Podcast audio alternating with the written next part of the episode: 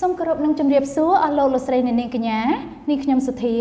សូមស្វាគមន៍មកកាន់កម្មវិធីដ៏ថ្មីស្រឡាងមួយដែលយើងខ្ញុំទើបតែបង្កើតឡើងគឺកម្មវិធី First Perspective ជឿជាក់ថាលោកអ្នកពិតជាបានជ្រាបខ្លះខ្លះហើយនៅពេលដែលលោកអ្នកឮពាក្យថា the first perspective ប៉ុន្តែមុននឹងចូលដល់ប្រធានបទនាងខ្ញុំក៏ចង់បង្វែរអារម្មណ៍អស់លោកលោកស្រីអ្នកនាងកញ្ញាបន្តិចឲ្យមកយល់នៅកម្មវិធីរបស់យើង សម្រាប់កម្មវិធីនេះគឺជា podcast មួយដែលអនុញ្ញាតឲ្យលោកអ្នកស្ដាប់បាននៅរៀងរាល់សប្តាហ៍ហើយកម្មវិធីនេះក៏នឹងផ្ដល់ជាចំណេះដឹងក៏ដូចជាឱកាសដ៏ល្អមួយក្នុងការស្វែងយល់ស៊ីជម្រៅទាក់ទងនឹងវិស័យអចលនទ្រព្យក៏ដូចជាការរស់នៅក្នុងប្រទេសកម្ពុជាផងដែរយើងខ្ញុំនឹងធ្វើការអាប់ឡូតជារៀងរាល់សប្តាហ៍នៅក្នុង YouTube ក៏ដូចជា Spotify ដែល ធ្វើឲ្យលោកអ្នកងាយស្រួលក្នុងការស្ដាប់ហើយអាចស្ដាប់បានគ្រប់ពេលវេលានិងគ្រប់ទីកន្លែងមិនថាយើងនៅធ្វើម្ហូបឬក៏យើងធ្វើដំណើរតាមផ្លូវធ្វើអីក៏បានដែរយើងយើងអាចស្ដាប់បានគ្រប់ពេលវេលាតែម្ដងអញ្ចឹងអឺ សម្រាប់កម្មវិធីហ្នឹងយើងក៏បានអញ្ជើញនវាគ្មិនឲ្យគាត់ចូលរួមហើយពួកគាត់អាចជា អ្នកជំនួញអ្នកវិនិយោគជោគជ័យឬក៏ជាសហគ្រិនវ័យក្មេងដើម្បីធ្វើការពិភាក្សាលម្អិតតទៅនឹងសាច់ប្រាក់ក៏ដូចជាការវិនិយោគលើវិស័យអចលនទ្រព្យអឺថាតើគាត់អាចរកចំណូលបានតាមរយៈអឺការងារហ្នឹងយ៉ាងដូចម្ដេចទំហំបែបណា ចាបើផ្អែកទៅលើទស្សនវិស័យរបស់ពួកគាត់ណាចាដោយសារនេះជាភាគទី1អញ្ចឹងយើងនឹងព្យាយាមនិយាយអ្វីដែលជាលក្ខណៈទូទៅលោកអ្នកអាចងាយស្ដាប់ហើយនឹងងាយយល់គឺការណែនាំអំពីអចលនទ្រព្យនៅកម្ពុជា នៅពេលដែលយើងឮពាក្យថាអចលនទ្រព្យយើងផ្ដោតទៅលើតែការទិញផ្ទះឬក៏ការទិញដីដើម្បីស្នាក់នៅតាមមុខគេកាពិតទៅត្រូវប៉ុន្តែ យើងមានចំណុចច្រើនជាងនឹងទៀតដែលយើងព្យាយាមស្វែងយល់អញ្ចឹងសម្រាប់សម្រាប់អចលនទ្រព្យហ្នឹងគឺយើងអាចទិញស្នាក់នៅក៏ដូចជារកចំណូលពីពីផ្នែកនឹងផងដែរដើម្បីឲ្យយល់កាន់តែច្បាស់នៅថ្ងៃនេះនាងខ្ញុំបានអញ្ជើញវាគ្មិនមួយរូបដែលគាត់មានបទពិសោធន៍តាក់ទងនឹងវិស័យអចលនទ្រព្យនេះអឺយូរដែរហើយហើយបាននិយាយពីថាអឺ គេឈ្មោះរបស់គាត់វិញគឺល្បីសរសៃតែម្ដងអញ្ចឹងដើម្បីឲ្យជ្រាបកាន់តែច្បាស់អឺសូមអញ្ជើញជួបជាមួយនឹងគាត់ទាំងអស់គ្នាជំរាបសួរបងសុខសប្បាយចាសុខសប្បាយចាជាដំបូងសូមស្វាគមន៍បងមកចូលរួមនៅកម្មវិធី Perspective ហើយសូមបងជួយណែនាំខ្លួនបន្តិចមកចាជំរាបសួរនាងខ្ញុំឈ្មោះណុកម៉ាឡៃគឺជាប្រធានសាខានៅក្នុងក្រុមហ៊ុន IPS Cambodia នៅក្នុងសាខាទីក្រុងភ្នំពេញ ចាបងធ្វើការនឹងរយៈពេលប៉ុន្មានមានបទពិសោធន៍រយៈពេលប៉ុន្មានឆ្នាំដែរហើយបងបងចាប់ផ្ដើមចូលមកក្រុមហ៊ុន IPS តាំងពីឆ្នាំ2017ប៉ុន្តែចូលនៅក្នុងវិស័យអចលនទ្រព្យតាំងពីឆ្នាំ2011អូយូរដែរហើយប្រហែលជា10ឆ្នាំជាងណាបងចា10ឆ្នាំចាអឺអញ្ចឹងបើបើផ្អែកទៅលើអឺបទពិសោធន៍របស់បងណា ចាវិស័យអចលនទ្រព្យគឺបងដឹងច្រើនមែនតើអញ្ចឹងនេះខ្ញុំក៏ចង់សាកសួរព័ត៌មានខ្លះខ្លះតកតងនឹងវិស័យហ្នឹងថាបងយល់ឃើញយ៉ាងណាដែរអញ្ចឹងអឺសម្រាប់អចលនទ្រព្យបងយល់ឃើញយ៉ាងណាដែរសម្រាប់វិស័យអចលនទ្រព្យបងគាត់ថាមានភាពរីកចម្រើនខ្លាំងពីព្រោះនៅឆ្នាំ2011នៅពេលដែលបងចូលក្នុងវិស័យហ្នឹងគឺយើងអត់ទាន់មានអាគារខ្ពស់ខ្ពស់នៅក្រុងភ្នំពេញទេកាលចូលធ្វើការដំបូងហ្នឹងគឺមានតែអាគារកណ្ណាយា ជាអាគារ office ហើយនិងអាគារ row condo ជាអាគារសម្រាប់ស្នាក់នៅចាវាអត់មានច្រើនដូចឥឡូវទេគឺមានតែពីរហ្នឹងចាចាអញ្ចឹងបើសិនបើនិយាយពាក្យមួយថាអចលនទ្រព្យជាអីជាអីគេដែរបងអចលនទ្រព្យគឺសំដៅទៅលើទ្រព្យសម្បត្តិដែលអត់មានចលនាពាក្យហ្នឹងគឺយើងទៅលើដីឬក៏អាគារនៅលើដី ចាអាហ្នឹងគឺជាន័យចំតែបើយើងប្របែកទលំទលាយអចលនទ្រព្យគឺជាទ្រព្យទាំងឡាយណាមានដូចជាដីផ្ទះសម្បែងអាគារស្នាក់នៅអាគារការិយាល័យឃ្លាំងរោងចក្រលក្ខណៈអូបាននិយាយទៅវាមានច្រើនប្រភេទមែនតើចាចាប៉ុន្តែបើសិនបើយើងផ្ដោតថាប្រភេទមួយមួយមួយឲ្យច្បាស់ណាបងចាចាអញ្ចឹងវាបែងចែកជាប៉ុន្មានប្រភេទដែរអឺនិយាយចំ បើបើនិយាយបែងចែកជាប្រភេទមានពីរប្រភេទទេគឺដីនិងអាគារអូខេចាចាដីនៅអាគារចាចាអរគុណច្រើនបងអឺអញ្ចឹងបើនិយាយពីអឺការវិនិយោគផ្ទះសម្បែងឬក៏ដីធ្លីហើយនឹងការស្នាក់នៅតើមួយណាដែលដែលមានអឺអឺការប្រើប្រាស់ឬក៏មានតម្រូវការខ្ពស់ជាងចា៎ បើនៅក្នុងទីក្រុងភ្នំពេញខ្ញុំសង្កេតឃើញថាតម្រូវការក្នុងការស្នាក់នៅគឺមានខ្ពស់ជាងពីព្រោះអីចំនួនប្រជាជននៅទីក្រុងភ្នំពេញគឺខ្ទង់អាយុ25ទៅ30ឆ្នាំគាត់ត្រូវការ settle ការរស់នៅរបស់គាត់អញ្ចឹងគឺតម្រូវការក្នុងការរស់នៅយើងឃើញមានលំដាប់ខ្ពស់ជាងការវិនិយោគ ហើយការវិនិយោគគឺភាគច្រើនទៅលើចំនួនចំនួនមនុស្សមួយកដាប់តូចនៅទីក្រុងភ្នំពេញហើយនឹងវិនិយោគគុណមកពីក្រៅប្រទេសចាចាអញ្ចឹងបងយល់ឃើញមិនដែរសម្រាប់អឺអ្នកដែលវិនិយោគហ្នឹងពួកគាត់ចាំបាច់ត្រូវថាគាត់មានលុយច្រើនឬក៏អឺគាត់មានចំណេះដឹងខ្ពង់ខ្ពស់ ដើម្បីឲ្យគាត់ត្រូវធ្វើការវិនិយោគហ្នឹងបងយល់ឃើញមិនដែរចំណុចទាំងអស់ហ្នឹងខ្ញុំគិតថាពួកគាត់អត់ចាំបាច់តែមានលុយច្រើនឬក៏គាត់មានបទពិសោធន៍ជ្រាលជ្រៅក្នុងវិស័យចលនាទ្រព្យដើម្បីវិនិយោគទេចំពោះអ្នកអាចវិនិយោគបានបើមិនជាគាត់មានដើមទុនតិចគាត់អាចទិញតាមលទ្ធភាពហើយបើអ្នកច្រើនតាមច្រើនប៉ុន្តែបើមិនជាគាត់អត់បទពិសោធន៍ខ្លះ ចង់និយាយគាត់អត់ដែលធ្លាប់វិនិយោគពីមុនមកគឺយើងទៀមទាឲ្យគាត់ជួបជាមួយនឹងអ្នកប្រឹក្សាយោបល់ឬអ្នកជំនាញច្បាស់លាស់បើអញ្ចឹងទេគាត់អាចទិញខុសឬវិនិយោគខុសអូខេអឺចម្លើយរបស់បងគឺក្បោះក្បាយមែនតើប៉ុន្តែខ្ញុំចង់ដឹងបន្ថែមថាចេះអឺការវិនិយោគនៅក្នុងស្រុកខ្មែរយើងណាសម្រាប់បរទេសឬក៏ខ្មែរគាត់អាចនេះបានទេបរទេសអីអឺ និយាយចំការវិនិយោគគឺទលំទលាយភាគច្រើនចំពោះជនជាតិខ្មែរគឺមានន័យថាខ្មែរគាត់អាចវិនិយោគទៅលើដីទៅលើអគារទៅលើខុនដូគ្រប់ប្រភេទតែបើចំពោះបរទេសគឺគាត់អាចវិនិយោគបានទៅលើអគារសហកម្មសិទ្ធិដែលយើងហៅថាខុនដូវាគ្រោះនៅស្រុកយើងគឺយើងមានច្បាប់ជនជាតិបរទេសគាត់ទិញបានតែប្លង់សហកម្មសិទ្ធិដែលគេហៅខុនដូហ្នឹងគឺគាត់អាចវិនិយោគលើវិស័យហ្នឹងបាន ចាចឹងខ្ញុំឃើញនៅតាមខេត្តមួយមួយឧទាហរណ៍ដូចជាកពតដូចជាអីអញ្ចឹងយើងឃើញជនបរទេសខ្លះគាត់បើក business គាត់បើកអីនៅហ្នឹងអញ្ចឹងអាចគាត់ធ្វើធ្វើយ៉ាងម៉េចបានអាចគាត់ឈរឈ្មោះធ្វើជាម្ចាស់បានបងអឺបើយើងនិយាយលើវិស័យតែអចលនទ្រព្យគឺបរទេសគាត់ទិញបានតែខុនដូគាត់វិនិយោគបានតែខុនដូទេតែបើយើងនិយាយឲ្យទលំទលាយដោយគាត់បើកអាជីវកម្មនៅកពត ហើយគាត់បើករេស្តូរ៉ង់ឬគាត់ជួលមិនមែនគាត់ទិញទេអាចគាត់ទិញអាជីវកម្មឬក៏គាត់ទិញកន្លែងរ៉ូស៊ីហ្នឹងតែគាត់មិនមែនកាន់កាប់ទេគឺគាត់ជួលអញ្ចឹងណាឬក៏គាត់អាចវិនិយោគតាមរយៈការទិញដោយឲ្យជនជាតិខ្មែរឈរឈ្មោះឬក៏គាត់ទិញតាមរយៈក្រុមហ៊ុនគឺគាត់បើកក្រុមហ៊ុននៅស្រុកខ្មែរជាលក្ខណៈ join partnership ជាមួយខ្មែរយើងអញ្ចឹងអូខេចាចាចុះសម្រាប់ការឈរឈ្មោះនោះបងយល់ឃើញថាមានហានិភ័យសម្រាប់ពួកគាត់ អឺនិយាយចំបើសិនជាគាត់តាក់តងឬក៏គាត់រកមេធាវីឬជាក្រុមហ៊ុនដែលមានអាជ្ញាប័ណ្ណត្រឹមត្រូវគឺអត់មានហានិភ័យទេពីព្រោះអីគឺមានកិច្ចសន្យាច្បាស់លាស់រវាងអ្នកចូលឈ្មោះហើយនិងជនបរទេសហ្នឹងគឺច្បាស់លាស់អញ្ចឹងគឺសំខាន់គាត់ត្រូវតាក់ទងជាមួយក្រុមហ៊ុនមេធាវីឬក្រុមហ៊ុនអចលនទ្រព្យណាដែលគេមានអាជ្ញាប័ណ្ណច្បាស់លាស់ហើយគេមានបទពិសោធន៍ក្នុងការងារហ្នឹងចាអូខេបងមកចំណុចទៀត អាហ្នឹងនេះមែនតែនហ្មងខ្ញុំធ្លាប់ឮដូចថាធម្មតាពេលយើងទិញផ្ទះឬក៏ទិញដីអីហ្នឹងយើងមានប្លង់ត្រូវទេបងចាអឺអ្វីដែលខ្ញុំដឹងគឺតាប្លង់រឹងហើយនឹងប្លង់ទុនទេអញ្ចឹងខ្ញុំចង់នឹងបន្ថែមថាវាមានអ្វីផ្សេងពីនឹងទៀតទេបងអឺចំពោះប្លង់បានកម្មសិទ្ធិនៅស្រុកយើងគឺមានពីរប្រភេទធំធំអឺ ទី1គេហៅថាប្លង់ទុនហើយទី2ប្លង់រឹងពាក្យតប្លង់ទុនហ្នឹងគឺជាសិទ្ធិក្នុងការកាន់កាប់អញ្ញាអចលនៈទ្រព្យមួយ ដែលមិនទាន់ចុះបញ្ជី មានន័យថា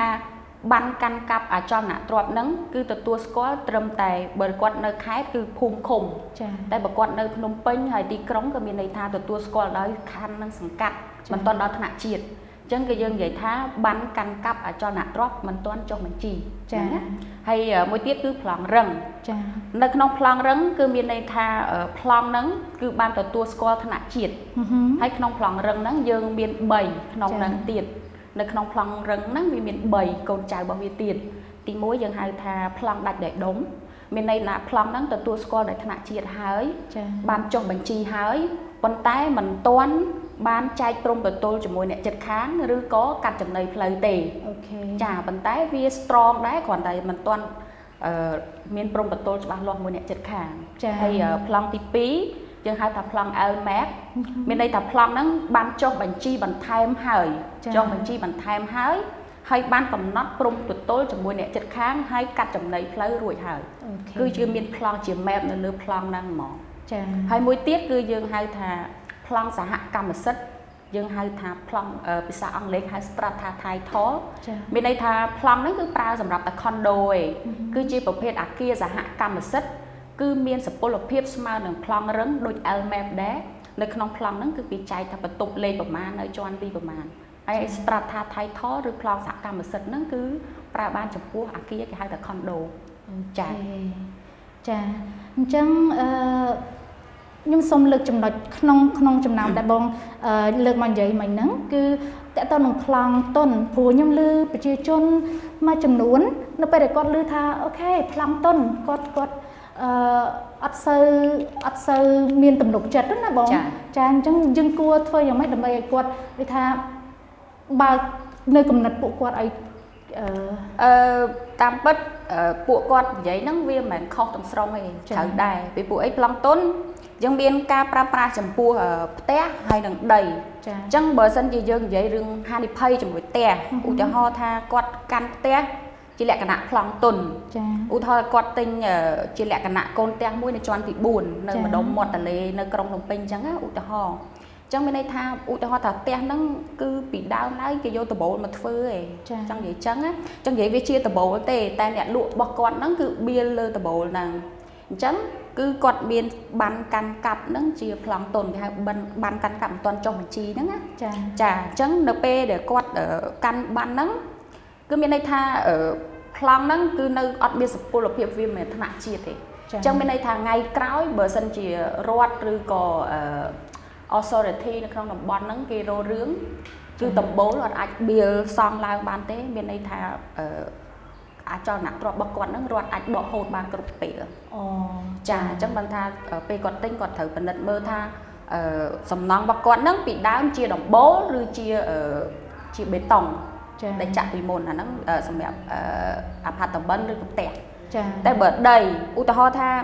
គាត់ទៅទិញដីមួយនៅកំពង់ស្ពឺអញ្ចឹង10ហិកតាឧទាហរណ៍ណាគាត់ទិញជាបានកាន់កាន់កាប់មិនទាន់ចុះបញ្ជីចាឥឡូវគាត់ទិញ10ហិកតាគាត់ទិញមួយការ៉េ20ដុល្លារឧទាហរណ៍អញ្ចឹងយើងគាត់គុណឲ្យទៅអ្នកលក់ជាការ៉េមួយការ៉េ20ដុល្លារ10ហិកតាចាដល់ពេលគាត់ទិញជាប្លង់តុននឹងហើយថ្ងៃក្រោយគាត់ទៅចុះបញ្ជីចាធ្វើជាប្លង់រឹង LMAP អញ្ចឹងខាងសោយដីគេចុះវាស់វែងផ្ទាល់ ចែកព្រំបន្ទល់កាត់ចំណីផ្លូវអីទៅគាត់អាចសល់ត្រឹម8ហិកតាគាត់បាត់2ហិកតាអញ្ចឹងណាគឺមានតែចំណុចហ្នឹងឯងដែលជាហានិភ័យក្នុងការកាន់ប្លង់ទុនចាចាយល់បងអញ្ចឹងអឺដូចបងនិយាយមិញអញ្ចឹងអឺថានៅខេត្តកំពង់ស្ពឺនៅអីអញ្ចឹងខ្ញុំចង់សំយោគមកមកសំណួរទៀតថាអឺ សម្រាប់សម្រាប់តាមខេត្តឬក៏តាមក្រុងនៅក្នុងស្រុកខ្មែរយើងណាតើគួរវិនិយោគនៅតំបន់ណាខ្លះដែលយើងគិតថាមានសុពលភាពហើយនឹងយើងអាចវិនិយោគបានល្អបងអឺបើបើទលំទលាយទៅយើងអត់អាចនិយាយថាតំបន់ណាល្អជាងតំបន់ណាទេប៉ុន្តែយើងត្រូវគិតថាយើងវិនិយោគទៅលើអីហើយ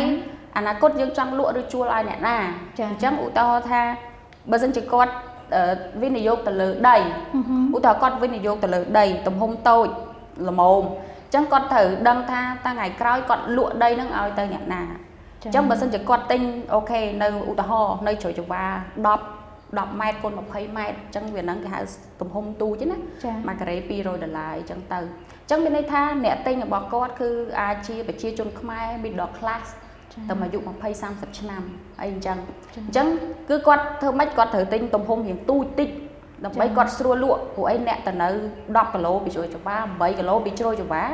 គឺអាចថាអ្នក middle class អ្នក young generation ក្រោយក្រោយអញ្ចឹងណាអញ្ចឹងគាត់កុំទិញធំពេកខ្លាចអ្នកទិញក៏អត់មានសមត្ថភាពទិញគាត់តែទិញរៀងទូចដូច10 20 20 30អីល្មមអញ្ចឹងណាប៉ុន្តែបើសិនជាគាត់ទិញជាលក្ខណៈ condo វិញណាគាត់វិនិយោគទៅលើ condo វិញអ ចឹងខុនដូគឺគាត់គិតថាអូគាត់ជួលថ្ងៃក្រោយឲ្យបរទេសគាត់លក់ឲ្យបរទេសឲ្យប្រជាជនខ្មែរដែលមានជីវភាពធូរធារចាអញ្ចឹងគាត់ទៅទិញនៅក្នុងក្រុងចាគាត់ទៅទិញតួតពូងបឹងកង2បឹងកង3បឹងកេងកង1ឬតលេប្រសាចា ពីព្រោះអីអ្នកដែលមានជីវភាពធូរធារជនជាតិបរទេសដែលនៅស្រុកខ្មែរគឺគេអត់ចង់ទៅរស់នៅឆ្ងាយទេព្រោះគេចង់នៅចិត្តតំបន់ក្នុងក្រុងដើម្បីស្រួលក្នុងការគេចេញទៅធ្វើការចេញទៅរកអីហូបចឹងណាអញ្ចឹងឆ្លើយទៅសំណួរមិញគឺយើងអត់អាចនិយាយដោយមួយម៉ាត់ថាវិនិយោគនៅកន្លែងណាល្អទេគឺសំខាន់លើកម្មវត្ថុដែលគាត់វិនិយោគលើបើគាត់វិនិយោគលើអីយើងនឹងនិយាយតាមក្រោយថា ទីតាំងណាល្អចំពោះគាត់អញ្ចឹងបើថាបើគាត់ចង់វិនិយោគគាត់អត់មានចំណេះដឹងខាងហ្នឹងទេយើងគាត់អាចមកប្រឹក្សាយោបល់ជាមួយអ្នកជំនាញបានអូពិតជាក្បោះក្បាយមែនតើចាអឺអញ្ចឹងអឺខ្ញុំចង់ដឹងមកចំណុចទៀតបងអឺសម្រាប់បរទេសក៏ដូចជាប្រជាជនក្នុងស្រុកយើងណាចា IPS គឺល្បីមែនតើចាចង់ដឹងថាគាត់អាចតំណតំណងបង តាមរយៈអីគេដែរហើយគាត់ គាត់ធ្វើម៉េចបានដឹងថា IPS បងធ្វើលើអ្វីខ្លះអឺនិយាយចំបើចំពោះប្រជាជនខ្មែរឬជនបរទេសដែលគាត់ចូលមកនៅស្រុកខ្មែរឬក៏គាត់នៅក្នុងស្រុកខ្មែរស្រាច់ដែលគាត់ចង់ជួលអចលនទ្រព្យគាត់ចង់ទិញឬក៏ចង់វិនិយោគគាត់អាចរកក្រុមហ៊ុន IPS តាមរយៈ គាត់គាត់តែចូលក្នុង Google គាត់អាចនិយាយអ្វីក៏ដោយឲ្យតែតាក់ទងមួយនឹងពាក្យថា property គឺ IPS នៅលើ first page នៅលើ Google ហ្នឹងគឺយើងនៅលើទំព័រដំបូងអញ្ចឹងដល់ពេលដែលគាត់ឃើញ IPS គាត់ចុច click ទៅគឺ link ចូល website របស់យើងហើយណាអាហ្នឹងជំហានទី1ហើយជំហានទី2គាត់អាចចូលក្នុង Facebook ហើយគាត់វាយ IPS Cambodia គឺយើងមានជា official page យើងនៅហ្នឹងគឺយើង upload property រាល់ថ្ងៃ ពីព័ត៌មានអចលនទ្រព្យអីលើហ្នឹងហើយមួយទៀតយើងក៏មាននៅក្នុង LinkedIn យើងក៏មានគឺយើងដាក់ IPS Cambodia ដូចគ្នាហើយយើងក៏ partnership ជាមួយ realestate.com.kh ហើយពួកគាត់អាចតំណាក់តំណងមកក្រុមហ៊ុន IPS តាមរយៈលេខទូរស័ព្ទ077 95 98 61ហើយ IPS ក៏មាន channel Telegram ដែលមានឈ្មោះថា IPS Cambodia ហើយលេខទូរស័ព្ទរបស់យើងក៏មាននៅក្នុងប្រព័ន្ធ Telegram ហើយនិង WhatsApp ផងដែរអញ្ចឹងរៀងរាល់ channel ទាំងអស់ហ្នឹងគឺគាត់អាចវាយទៅគឺគាត់អាចជួបមួយក្រុមហ៊ុនយើងហើយឬក៏មួយទៀតគាត់អាច walk in មកក្នុងក្រុមហ៊ុនរបស់យើងផ្ទាល់យើងមានទីតាំងនៅបឹងកេងកងនៅផ្ទះលេខ182ផ្លូវទៅសក់ផ្អែមកែង294នៅក្នុងសង្កាត់បឹងកេងកង1ចា ចាអរគុណច្រើនសម្រាប់ការផ្ដល់យោបល់ជាច្រើនហើយនឹងក្បោះក្បាយអឺពីបងស្រីអញ្ចឹងជាចុងក្រោយបងមានពាក្យពេចន៍អ្វីអឺដើម្បីផ្ដែផ្ដាំដល់ទស្សនិកជនយើងទេអឺខ្ញុំចង់ផ្ដែផ្ដាំទៅប្រជាជនយើងនៅក្នុងទីក្រុងភ្នំពេញបើសិនជាគាត់មានចំណាប់អារម្មណ៍ក្នុងការវិនិយោគទៅលើវិស័យចលនាទ្រព្យឬក៏គាត់ចង់ទិញផ្ទះជាផ្ទះលើកទី1 ហើយគាត់ស្ទាក់ស្ទើរមិនដឹងទិញនៅតំបន់ណាមិនដឹងតម្លៃថ្លៃឬថោកគឺគាត់អាចអញ្ជើញមកប្រឹក្សាយោបល់ជាមួយក្រុមហ៊ុន IPS គឺយើង free consultant យើងអត់ charge សេវាកម្មលើគាត់ទេ ហើយយើងអាចផ្ដល់ជូនព័ត៌មានពីអចលនទ្រព្យដែលមានតម្លៃល្អល្អនៅក្នុងទីក្រុងភ្នំពេញហើយក៏យើង free សេវាកម្មក្នុងការរៀបចំឯកសារទិញលក់ការកាត់ផ្ទេរកម្មសិទ្ធិអីគឺយើង offer សម្រាប់ free សម្រាប់អ្នកដែលប្រើប្រាស់សេវាកម្ម IPS អូខេអរគុណច្រើនបងចាឥឡូវនេះកម្មវិធីរបស់យើងក៏ឈានទៅដល់ទីបញ្ចប់ហើយអញ្ចឹងនេះខ្ញុំជឿជាក់ថាលោកអ្នកពិតជាទទួលបាននូវចំណេះដឹងខ្លះៗទាក់ទងនឹងវិស័យអចលនទ្រព្យនៅក្នុងប្រទេសកម្ពុជារបស់យើងហើយនេះខ្ញុំប្រកាសចិត្តថាអ្នកទាំងអស់គ្នានឹងចង់ដឹងបន្ថែមទាក់ទងនឹងវិស័យនេះអញ្ចឹងអឺសម្រាប់ប្រធានបទថ្មីមួយទៀតគឺការរកចំណូលពីការវិនិយោគអចលនទ្រព្យ នេះខ្ញុំដឹងថាលោកអ្នកពិតជាឆ្ងល់ថាវិនិយោគិនគាត់អាចរកចំណូលបានដោយវិធីណាដោយរបៀបណាអញ្ចឹងសូមតាមដានប្រធានបទរបស់យើងនៅកម្មវិធី The First Perspective នៅថ្ងៃសៅរ៍សប្តាហ៍ក្រោយសូមអរគុណ